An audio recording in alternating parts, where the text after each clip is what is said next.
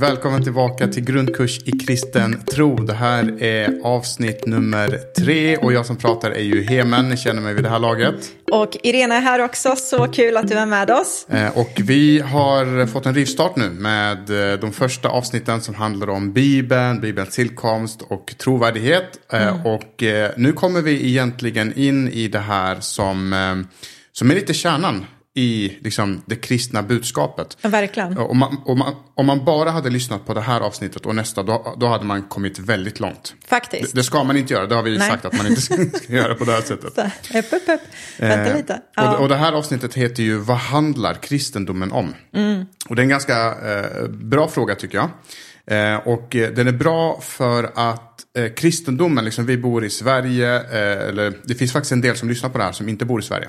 They are international friends. Men de kan ju svenska, så att jag behöver inte ta det på engelska. Precis, men... vi har folk från Finland och USA och, Ja, och Norge häftigt. också. Ja. Mm. Och lite andra eh, ställen. Men, men oavsett så kanske man befinner sig eh, på ett ställe som liknar Sverige. Mm. Där det finns kyrkor överallt. Eh, vi, man firar jul och liksom man sjunger Kristus till jorden är kommen. Eh, och alla de här sakerna. Men och, och så, och, och, och så liksom tar man för givet att alla på något sätt vet vad kristendomen handlar om. Men jag skulle vilja påstå att de allra flesta inte vet vad kristendomen egentligen handlar om. Och det är egentligen det det här avsnittet borde hetat. vad, vad handlar kristendomen om egentligen? Exakt. Ja. Nej, men jag håller med dig faktiskt. Alltså, det finns så många olika uppfattningar kring vad kristendomen handlar om. Och det kan vara uppfattningar som man har fått utifrån kanske att man har mött någon eller oförståelse eller bara liksom ryktesvägen eller bara ren okunskap att man inte vet vad det handlar om. Utan man tänker, men du vet, det här är liksom den kristnas eh, historia och så tänker man det är ju att vara ett, två, tre. Du vet. Eh, och jag själv till och med som faktiskt var uppvuxen i en kristen familj hade ingen aning om vad kristendomen handlar om. Alltså så var det i alla fall för mig. Jag påstår inte att det är så i alla hem, absolut inte. Men för min del var det så att jag hade någon sån här, ja men det är Gud där uppe och sen är det jag människan här.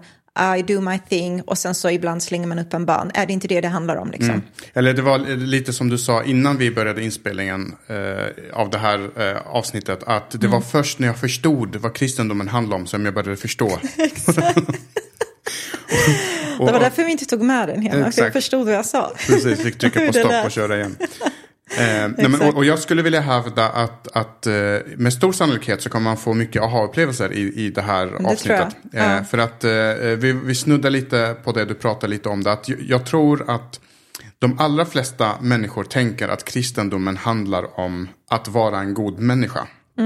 Ja men absolut, alltså det är ju det, den klassiska liksom sättet. Det här, ja men du ska ju vara en god människa, du ska liksom, ja men du ska bete dig bra, du ska uppföra dig bra. Det är lite så här ett litet bättre sätt att leva, eh, manual. Eh, då, då kan du liksom vara kristen, liksom. det, det hjälper dig och ger dig lite rikt, riktlinjer. Eh, jag, jag har också hört att många tänker så här, men det är, en, det är liksom lite en fin tanke som man har i den kristna tron och det är väl det det handlar om, att tänka på andra människor och Eh, och liksom man ska, ja, men, du vet, försöka vara lite en god medborgare helt enkelt. Mm. Och, då, och då blir det ju lite det här att om det handlar om att vara en god människa så betyder det att, alltså då, då finns det lite, ett, ett, nästan ett litet dömande i det. Typ att Mm. kristna, det är de goda människorna. Ja, de tror sig vara bättre än De andra. är lite bättre än alla andra och så finns det liksom resten av, Ja. människorna. Eh, men, men, men det handlar inte först och främst om att vara en god människa. Att vara en god människa är en bieffekt av någonting annat. Eh, en annan sak som, som folk tror att kristendomen handlar om det är att, att man tror på Gud. Exakt. Eh, och, och det här kan komma för en, för en, eh, som en chock för vissa som lyssnar på det här. Men, men eh, den här klassiska frågan, tror du på Gud? Det, det är liksom det man kopplar till att vara kristen. Mm, exakt, ja, men så är det faktiskt den här typiska, okej men då tror du på Gud. Men att bara tro, jag brukar tänka så här, att bara tro att Gud finns förändrar inte så mycket egentligen. Utan om jag tror på att Gud finns eller inte, det förändrar liksom inte hans existens om hur, hur jag tänker och resonerar om, om honom. Eh, så, och frågan, följdfrågan blir också lite så här, okej men om vi säger att jag tror på Gud, men vilken gud då i så fall? Eh, och hur kommer jag i kontakt med den här guden och hur ser den liksom, resan ut och så vidare. Liksom. Så det är verkligen det här som du pratar om. Det så är det, ja men man tror ju på Gud. lite så här allmänt. Eh, det handlar om att vara en god människa. Och precis som du säger, liksom det, det är en bieffekt. Allt det där är bra, så vi förespråkar liksom att du är en, en vettig person mm. så, och att du beter dig bra. Men det är inte det som är kärnan med att vara kristen. Och jag brukar alltid resonera, resonera lite kring att för mig så när jag pratar med folk och man pratar lite om vad liksom kristendomen handlar om med de här eh, liksom följdfrågorna som man får så blir det lite för mig ett tecken på att man har inte riktigt helt förstått liksom, poängen med Jesus som mm. är en ganska central figur i den kristna tron. Precis, och, och lite som du sa att eh, alltså, oavsett vad vi tror om Gud, alltså om vi tror att Gud finns eller om vi tror att Gud inte finns så påverkar det inte hans existens. Nej, alltså, inte. Finns han så finns han oavsett vad jag tror eller inte. Mm. Och finns han inte så finns han inte oavsett vad jag tror eller inte. Mm. Så, så det är inte liksom våran tro som förändrar någonting. Och därför så blir inte det så, så relevant egentligen vad du Nej. och jag tror. Utan det finns ett faktum och det är den, det faktumet som är eh, det, det intressanta. Precis. Eh, och vi har sagt, pratat om i eh, den här kursen att eh, man kan ha med sig en eh, bibel eller den här bibelappen redo. Eh, och det här är ett sånt här tillfälle där vi ska läsa ett bibelstycke. och då kommer vi läsa från ett brev som ligger väldigt långt bak i Bibeln som heter Jakobsbrevet. och vi ska läsa kapitel 2 och så ska vi läsa vers 19. Och det här handlar om just det vi, vi berör just nu. Då står det så här. Du tror att det finns en gud. Så just det här. Tror du på Gud? Mm. Ja, du tror att det finns en gud. Och det är bra. Det tror till och med de onda andarna och darrar. Mm. Eller en annan översättning, och bävar liksom. Exakt. Eh, så att, så att, och, och det här är ytterligare liksom en grej varför att tro på Gud blir lite orelevant. Eh, I, i, att bara tro på Gud blir lite orelevant för att den här texten säger att till och med de onda andarna, alltså mm. fienderna så att säga, tror på Gud. Men det gör de inte de till kristna eller att de kommer komma till himlen eller Precis. vad nu kristendomen handlar om. Och det är det vi ska ta reda på. Ja, men det ska vi göra. Och lite tillbaka till det som jag pratade om. Jag menar, jag kallade mig kristen och jag sa, jo, men jag tror på Gud. Men jag, jag missade nästan hela poängen med vad den kristna tron handlar om. Så frågan är så här, vad är det vi tror på egentligen? Kom igen nu, kom fram till svaret, mm. kanske någon liksom tänker. Eh, och i kyrkan så brukar man ju säga så här att vi tror på evangeliet. Eh, och evangeliet betyder ordagrant glada nyheter. Mm. Alltså vi tror på ett budskap som ska ge dig hopp, som kommer med glädje. Precis, så här har vi ett jättebra eh, tips då. Eh, just det här att när du hör någon prata om kristendomen och det den personen pratar om inte låter som goda och glada nyheter. Mm.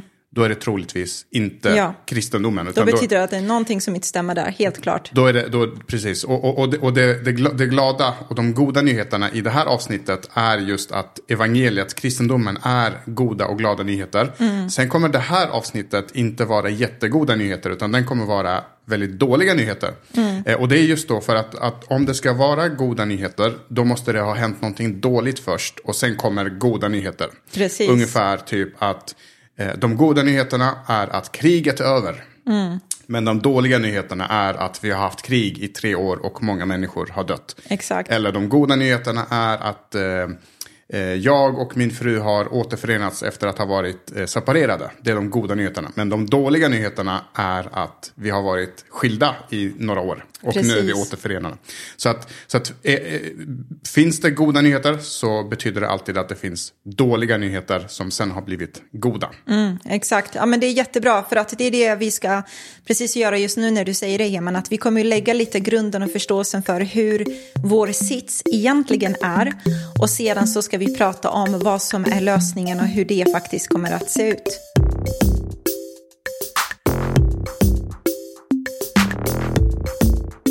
Okej, som vi sa så är kristendomen glada nyheter. Det är så att säga evangeliet. Eh, evangeliet betyder glada nyheter som vi sa eh, precis.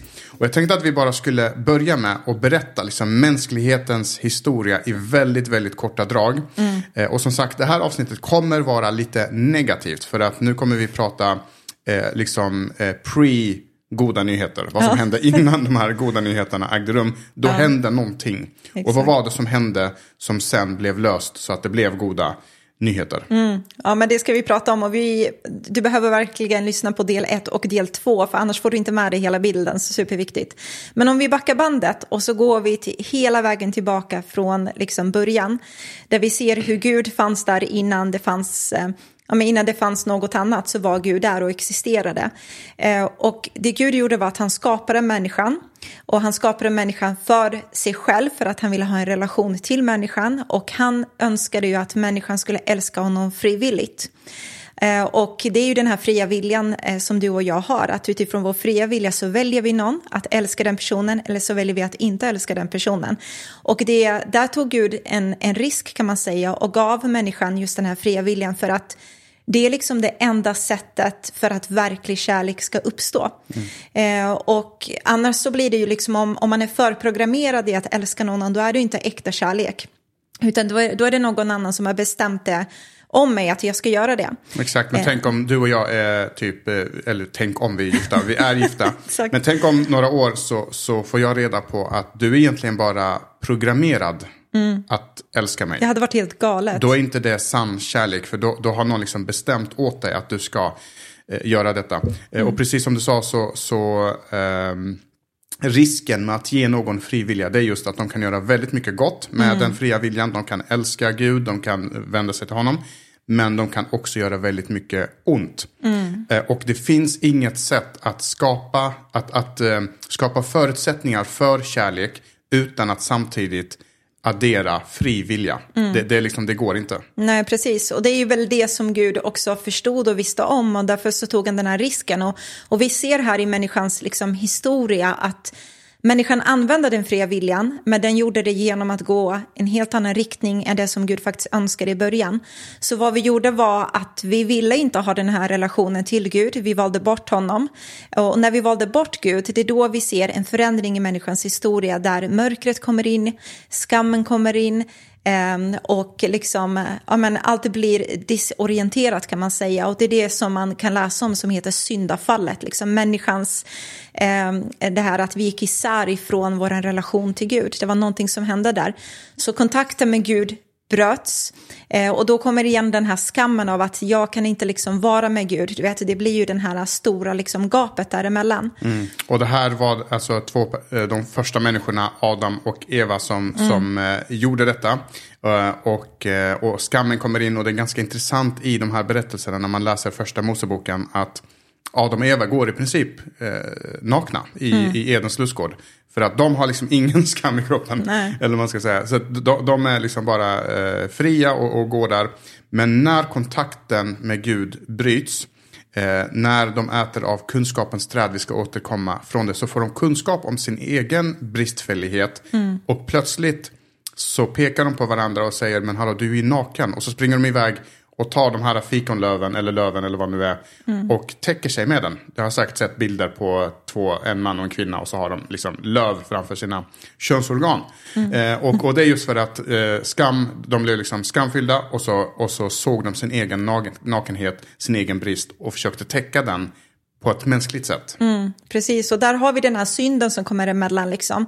Och vi ska prata lite om vad, vad synd betyder egentligen. Eh, men, men faktum är den att Gud kan inte plötsligt umgås med syndiga varelser, för Gud är helig, han är perfekt, eh, han är ren.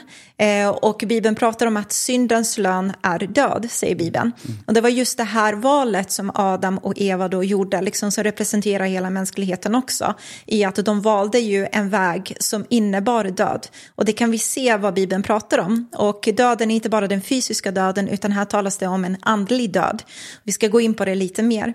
Och man kan tycka lite så här när vi återberättar det här i väldigt, väldigt korta drag, vi ska prata lite mer ingående kring det liksom.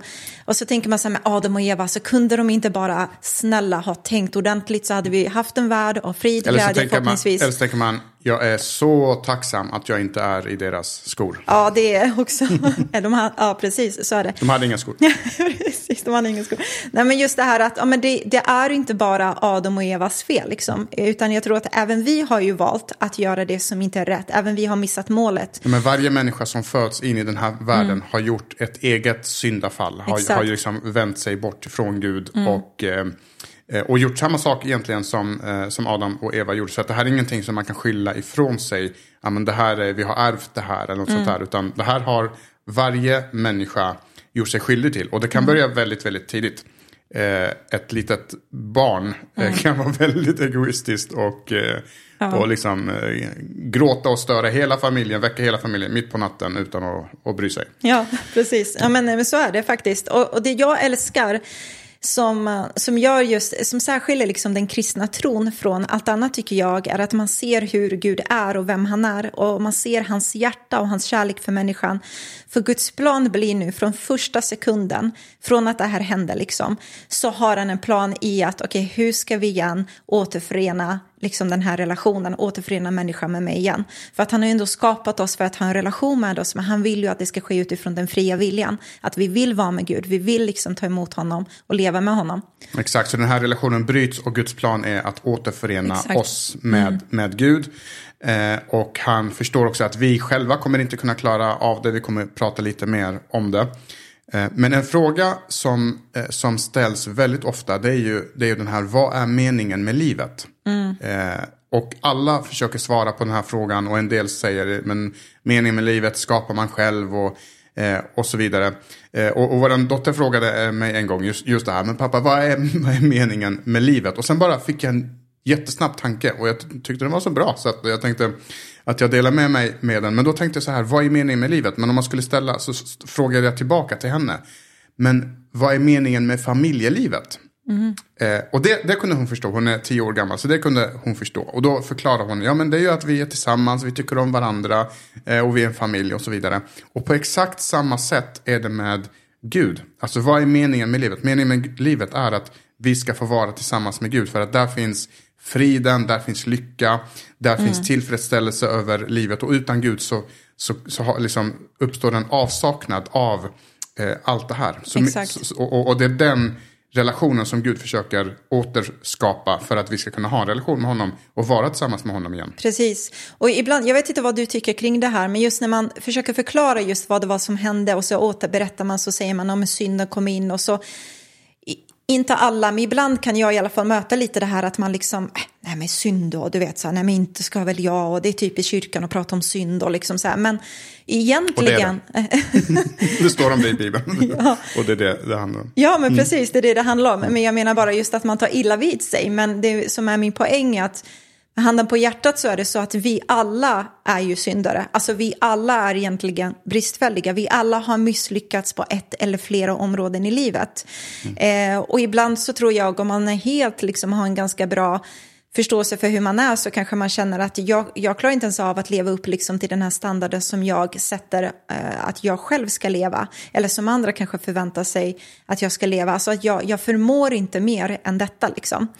Och för vissa så kommer ju det där helt intuitivt. Att jag, fatt, jag, för- jag fattar själv, jag förstår själv. Jag är bristfällig, jag är inte perfekt som människa. Och det vore väldigt eh, högmodigt att tro att man är perfekt och inte har eh, några brister. Men jag tror ändå att det tillhör människans natur att tro att man är bättre än vad man egentligen är. Och att det står bättre till än vad det egentligen är. Och det finns en... ehm, en undersökning som, eh, som man har gjort som handlar om trafiken, svenskarnas liksom, trafikvanor och uppfatt, uppfattning om sig själva och sådär. Eh, och, och då visar det sig utifrån den här undersökningen att 96% av alla svenska bilförare tycker att de kör bättre än genomsnittet. Helt otroligt. Så i princip så tycker nästan hela Alla svenska, typ. alla tycker att de är bättre än alla. Ja, exakt. Ungefär. Ja, det märks ibland när man kör bil alltså. Det är ju... Ja, och, och, och, och, och så samtidigt så tycker jag också att jag tycker det är befriande att kunna just komma till den insikten. Men jag är ingen perfekt människa. Jag har brister och kunna förstå vilka som är ens brister och var man, var man har liksom eh, synd i sitt liv eh, och så vidare. För att då behöver vi inte, då får vi liksom en realistisk verklighetsuppfattning, en realistisk bild av oss själva. Och då behöver vi inte eh, låtsas någonting. Vi behöver inte bygga upp masker. Men vi har sociala medier idag och alla ska framstå ur sitt bästa jag. Liksom. Man har liksom tre bra stunder i liv i, på en dag och då ska man ta bilder de tre tillfällena och lägga upp och så får vi liksom en bild av att alla är så himla bra och det går så himla bra för alla. Men, men istället så är det så att när man kommer till kyrkan eh, så är liksom den gemensamma, upp, den gemensamma bekännelsen, om man nu ska använda ett sånt ord, är vi, vi är alla syndare, vi som Exakt. sitter här. Och plötsligt ska man slappna av, jag behöver inte bevisa någonting, jag behöver inte eh, liksom vara uppsnofsig eller något sånt där, utan jag är den jag är och, mm. eh, och, så, och sen försöker man liksom ta det därifrån. Och det ska vi också gå in på. Vad händer sen? Liksom. Man, ja, det stannar precis. inte bara med ett konstaterande att mm. Åh, arma mig, jag är så himla dålig. Nej, nej, men verkligen inte. Jag håller med dig i det just att det är liksom eh, det gör att alla vi människor har samma förutsättningar. Vi sitter i en och samma båt egentligen. Och sanningen är den att nu så befinner människan sig i liksom ett tillstånd där att vi klarar inte av nu att leva ett perfekt liv. Eh, vi klarar inte ens av det om vi själva liksom försöker piska oss egentligen. Men, men nu pratar vi om ett liv som Gud egentligen kräver av oss. Alltså eftersom Gud, det man behöver förstå är att Gud är helig, han är helt perfekt och hans villkor är att vi också ska vara perfekta och vad jag menar med det är helt syndfria mm. för att vi ska kunna ha den här gemenskapen tillsammans med Gud. Men han är ju en domare. Mm. Gud beskrivs i Bibeln som en domare och en domare kan inte se mellan fingrarna och tänka, jaha, du mördade bara en person, ja men det gör inget. Om du hade mördat fem personer, då är det illa. Liksom. Eh, om jag bara, liksom parallell, parallell till det. Ja, men exakt. Utan liksom alla sitter i samma sits som sagt. Liksom, Gud är rättvis gentemot det. Eh, och precis som du var inne på det, Hemen, så säger Bibeln det att alla har vi syndat. Det finns inga människa som, som är rättfärdig egentligen. Utan alla vi liksom är, är i samma sits. Och vad synd egentligen betyder är att missa målet. Så att jag har egentligen missat målet med det som Gud har tänkt för mig. Och vad är meningen och målet med livet? Jo, att vara tillsammans med den här guden. Att vara tillsammans i den här familjen, så som du pratade om tidigare där som var en ganska bra bild. Mm. Så allting som man ska beskriva vad synd är, det är egentligen saker som drar mig bort ifrån Gud istället mm. för att dra mig närmare Gud. Precis.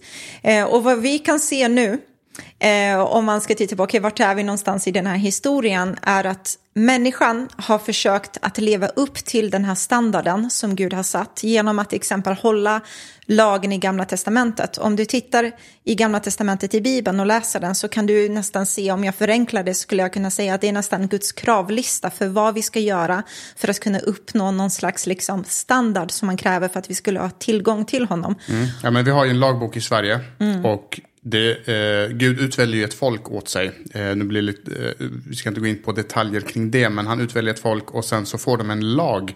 Eh, för att om de håller den här lagen, då kan relationen med Gud lagas igen. Eh, mm. och, och sen några tusen år senare så får vi reda på att den här lagen gavs egentligen inte för att, de, att Gud trodde att de skulle klara av det, för att Gud vet ju redan vad som kommer hända. Mm. Utan han gav dem lagen för att de skulle inse att de inte på egen hand klarar av det och sen ge upp och sen söka hjälp på ett annat håll, Precis. hos Gud. Precis, och, och, det var ju det som man på något sätt insåg i att nej men vi, vi, klarar inte av detta. Och det man gjorde var man ville inte liksom i ödmjukhet acceptera det och säga okej okay, Gud, liksom hjälp oss. Utan det man gjorde var istället att man reducerade det här som Gud sa till endast goda fina beteenden. Så länge det ser bra ut på ytan, så länge jag gör alla mina grejer så att det ytligt sett ser korrekt ut enligt lagboken, ja men då är jag ganska självgod eh, och då är jag ganska liksom självrättfärdig eller så. Det, då känner jag mig trygg i min relation till Gud. Så när Jesus kommer in i bilden och förklarar vad det egentligen handlar om, att det är inte bara om det här som vissa har reducerat liksom gamla testamentets lagar lagar och regler till bara det yttre, att det såg bra ut, utan han pratar också om mitt hjärta, alltså det som är här på insidan. Det handlar inte bara om att faktiskt göra handlingen, utan det handlar också om motivet i ditt hjärta, att du vill göra den här handlingen. Och det är där det börjar bli lite, kom lite komplicerat mm. och det är där det blir lite ännu mer dystert. Ja, nu blir det, grö- eh, nu blir det mörkt där. För att det går ja. liksom att, att på utsidan fejka det och försöka göra lite bättre och liksom eh, swisha in lite pengar när det mm.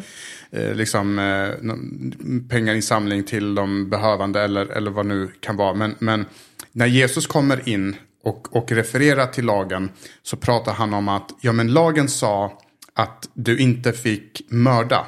Mm. Och det mm. kan vi alla hålla med om. Att att mord är fel. Mm. Men sen så kommer Jesus och säger, men egentligen så är det så att det är inte bara mord som är fel, utan bara tanken på att någon annan människa är mm. en idiot mm. är också fel. Han säger det, om du bara kallar någon annan människa för en idiot, då är det fel. Därför att, att, att det kommer liksom utifrån motivet att jag gillar inte, jag, jag, ja. Mm.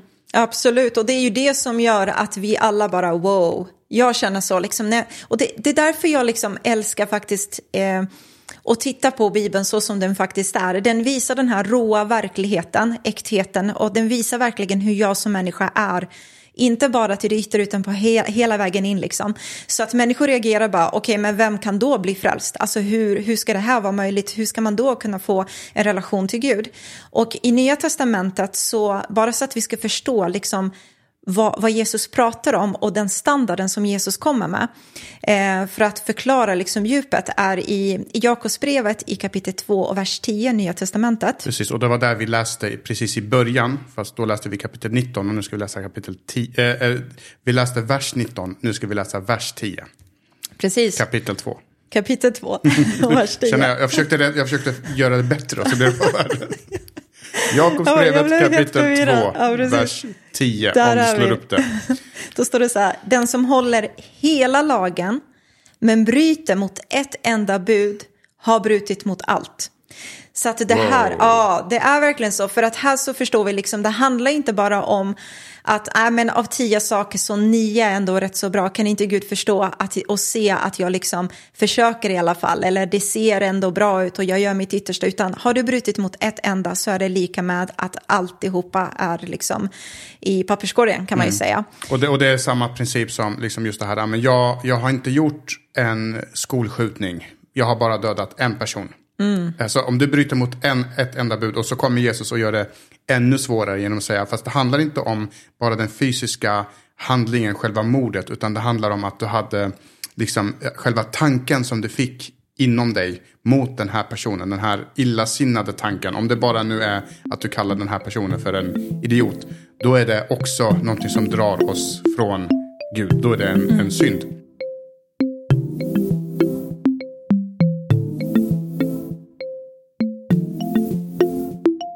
Vi nämnde det här i början om att vi skulle prata om de här träden som fanns i Edens lustgård. Du vet att ibland så eh, ser man eh, en bild på Adam och Eva och så håller de i något, eh, något äpple. Och så mm. äter de av det här äpplet. Och det står faktiskt inte att det är ett äpple utan det står att det är en frukt. Men det finns ju en jättestor symbolik kring, eh, kring det här.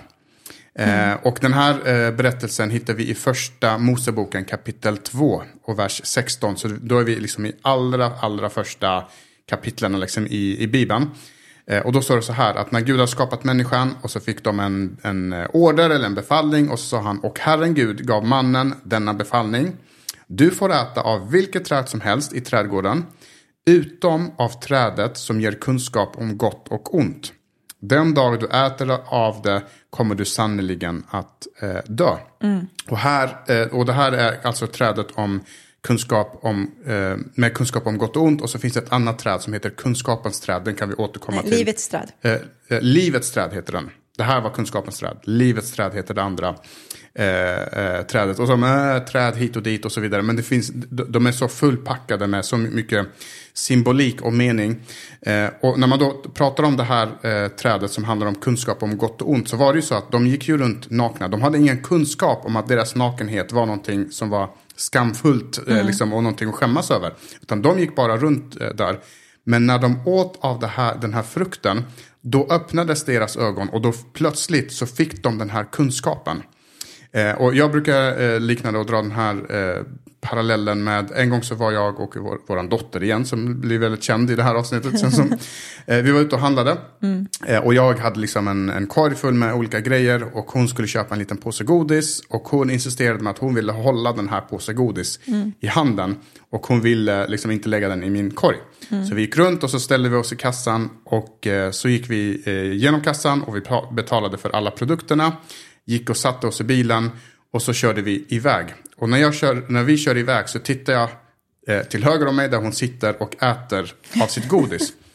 Och så tänkte jag, men hur kommer det sig att du har godiset i handen och inte i kassen som ligger i bagaget?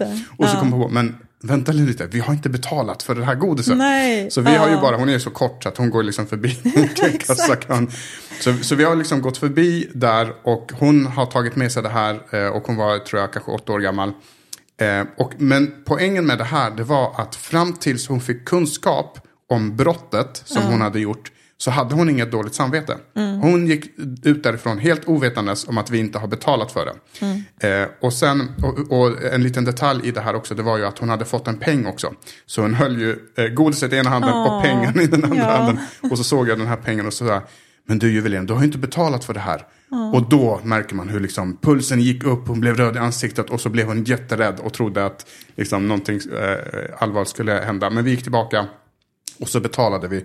Eh, och lite likadant är det kring det här att Gud har skapat oss eh, utan att vi, från början så behövde inte vi veta om, liksom ha kunskap om gott och ont. Vi skulle vara glatt ovetandes. För att bara kunskapen om gott och ont i sig gör att vi börjar göra ont. Det är ungefär som att föräldrarna eh, barnen inte behöver veta liksom, vilka fakturor som föräldrarna betalar. Det finns mm. vissa saker som vi, det, det, är lika bra att leva livet utan att veta om, om det här. Mm. Så de äter av det här trädet och sen så står det just det här att den dagen du äter av det kommer du sannoliken att dö.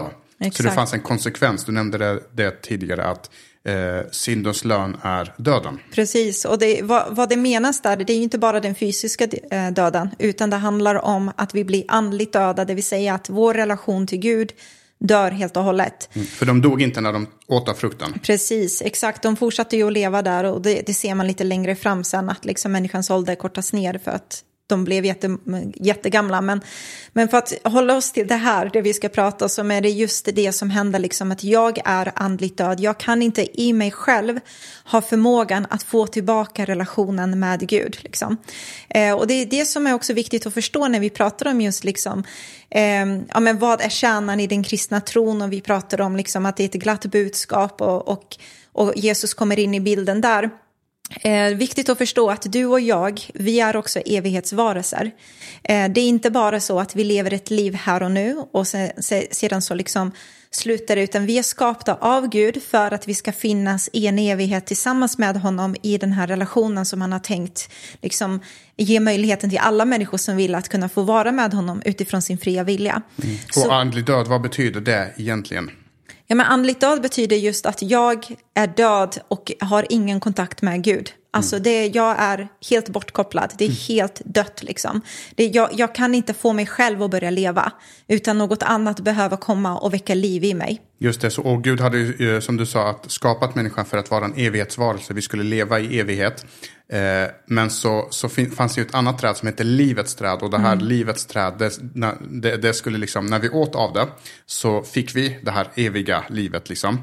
Eh, och, så, och så står det då att när människan tog av kunskapens träd eh, så, så står det att Gud då eh, bestämde sig för att då måste vi stänga vägen till livets träd. Exakt. Så att de inte skulle kunna få förbli i det här syndiga tillståndet i all evighet. Mm. Eh, och då begränsade Gud människans ålder och det är därför människan har en begränsad ålder. Mm. Att vi, eh, vi lever, vi föds och så, och så dör vi. Så var det inte från början. Eh, men så är det eh, nu. För mm. att när vi dör, då får vi en ny chans. Och då, liksom, beroende på hur, hur vi har, vilka beslut vi har tagit i det här livet, så ser vår evighet olika ut. Ja, men precis. Och det, det är just det här att att förstå att våra liv här på jorden är ju liksom eh, tillfälliga. Alltså din själ kommer leva för evigt. Eh, och eh, Eh, när Jesus kommer in i bilden här så, så kommer inte Jesus bara för att göra lite så här halvdåliga människor bättre, utan han kommer för att göra andligt döda människor levande, pånyttfödd säger Bibeln, att du får ett nytt liv. Och det gör han nu, som liksom det händer och verkar liksom under tiden vi är här på jorden, men också för all evighet. Så när ditt och mitt hjärta slutar att stå, slå, Eh, då kommer du och jag att leva någonstans. Vi kommer fortsätta att existera någonstans. Du kommer andligt leva... Sätt. Ja, andligt sätt. Så precis. våra kroppar liksom förmultnar, ja, ja. men vi fortsätter leva i, i, liksom som andar så att säga. Ja, men precis. Mm. Och frågan är där vad du och jag tar för beslut här utifrån vår fria vilja som faktiskt kommer påverka din evighet. Eh, så du kan ju få den här möjligheten att få påbörja din relation med Gud så som du är skapad för att ha redan nu, som sedan fortsätter in i evigheten tillsammans med honom. Eller så kan man välja utifrån sin fria vilja att avsäga sig den möjligheten. Eh, så det är viktigt är just att förstå liksom att allt det Gud gör härifrån är att han älskar oss otroligt mycket och han önskar liksom att det ska vara en ömsesidig kärlek där. Men för, igen, för att upprepa, för att verklig kärlek ska finnas så måste en fri vilja existera och kärleken kan inte tvingas på utan det är ett val man väljer liksom. Precis, och nu riskerar vi att hoppa framåt mm. eh, lite och prata om lösningarna. Men, men, men det här valet som du pratar om, och det är ett val som man gör här i jordelivet. Mm. Eh, för det finns ju en del som säger, hur kan, hur kan en god gud skicka människor till helvetet? Men Gud skickar inte någon människa någonstans, utan Nej. det handlar om just den här fria viljan. Och Gud är i himlen, han är en evig varelse. Eh, han är där ljuset finns, han är där godhet finns, där hälsa finns, där alla de här goda attributen finns. Mm. Och vill jag vara med honom, då är jag liksom ett beslut därifrån. Då börjar jag bara säga ja, ja, jag vill. Vi ska prata lite mer om det mm. i nästa avsnitt. Men jag kan också välja, nej men jag vill inte vara där Gud finns. Mm. Och där Gud inte finns, där är det motsatsen till där Gud finns. Så istället för ljus är det mörker, istället för värme så är det kyla, istället för godhet så är det ondska, mm. istället för hälsa så är det misär och sjukdom och så vidare. Så att, så att så det, det, liksom, i Guds närvaro så finns allt det här go goda. Mm. Och det är vi som väljer om vi vill gå den ena vägen eller den, and den andra Eh, vägen. Ja, men precis. Och vi pratar lite om det här att man är andligt död och bara för att ta en liten sån här eh, bild på det hela, liksom, få se om den håller här. Men jag, jag nämnde det att död kan ju inte hjälpa sig själv, utan man är ju helt död. Alltså man, man ligger där som en död liksom, fisk. Eh, och jag, jag eh, kanske har blivit lite traumatiserad av alla sådär filmer som jag såg under min barndomstid när pappa tittade på sådana här cowboyfilmer med Clint Eastwood. Mm. Alltså nu är det så här way back. Mm. Men då kommer han där och sen så är alltid liksom någon scen där han jagar någon och sen så är han i någon skog eller någon fält eller vad det nu är. Och så ser man liksom hur det är någon som har hamnat i liksom en, en jordhög som visar sig vara liksom kvicksand. Och den personen står där och liksom och försöker Beskriver få... du inte Indiana Jones nu? Ja men det kanske det är Indiana Jones. Det är Indiana Jones du beskriver beskriver. Varför fick jag Clint Skattjägaren liksom. Clint ja, Eastwood, lite... det är han som går runt och... Cowboy. Ja, men cowboy, han kanske såg både och då, farsan mm. alltså. Men jag förstår vad du är på väg liksom. Man är ute på äventyr och ser den här liksom, jorden som man bara sjunker djupare Precis. och djupare, djupare i. Och ju mer de rör sig, ju mer de försöker, liksom, så ser man hur de sjunker längre ner. Och, tricket är egentligen att bara vara still. Mm. För om du inte är still, du måste, du måste vara still och så måste du fråga efter hjälp. Du måste ropa efter hjälp. Och någon annan som är på fast mark måste slänga ett rep och dra upp, dra upp dig. Du har liksom inte förmågan att rädda dig själv. Precis, exakt så är det. Så du, du förstår min poäng där. Så att ja. någon annan behöver stå där med sin pinne, sträcka ut den och dra upp dig. Och det, det är exakt i den tillståndet, i det tillståndet som vi befinner oss, oss i just nu som människor. Att det ser ganska mörkt ut, vi är skilda från Gud, vi har valt bort Gud, vi är andligt döda, vi förmår inte att blåsa liv i oss själva på något sätt och göra oss levande på nytt.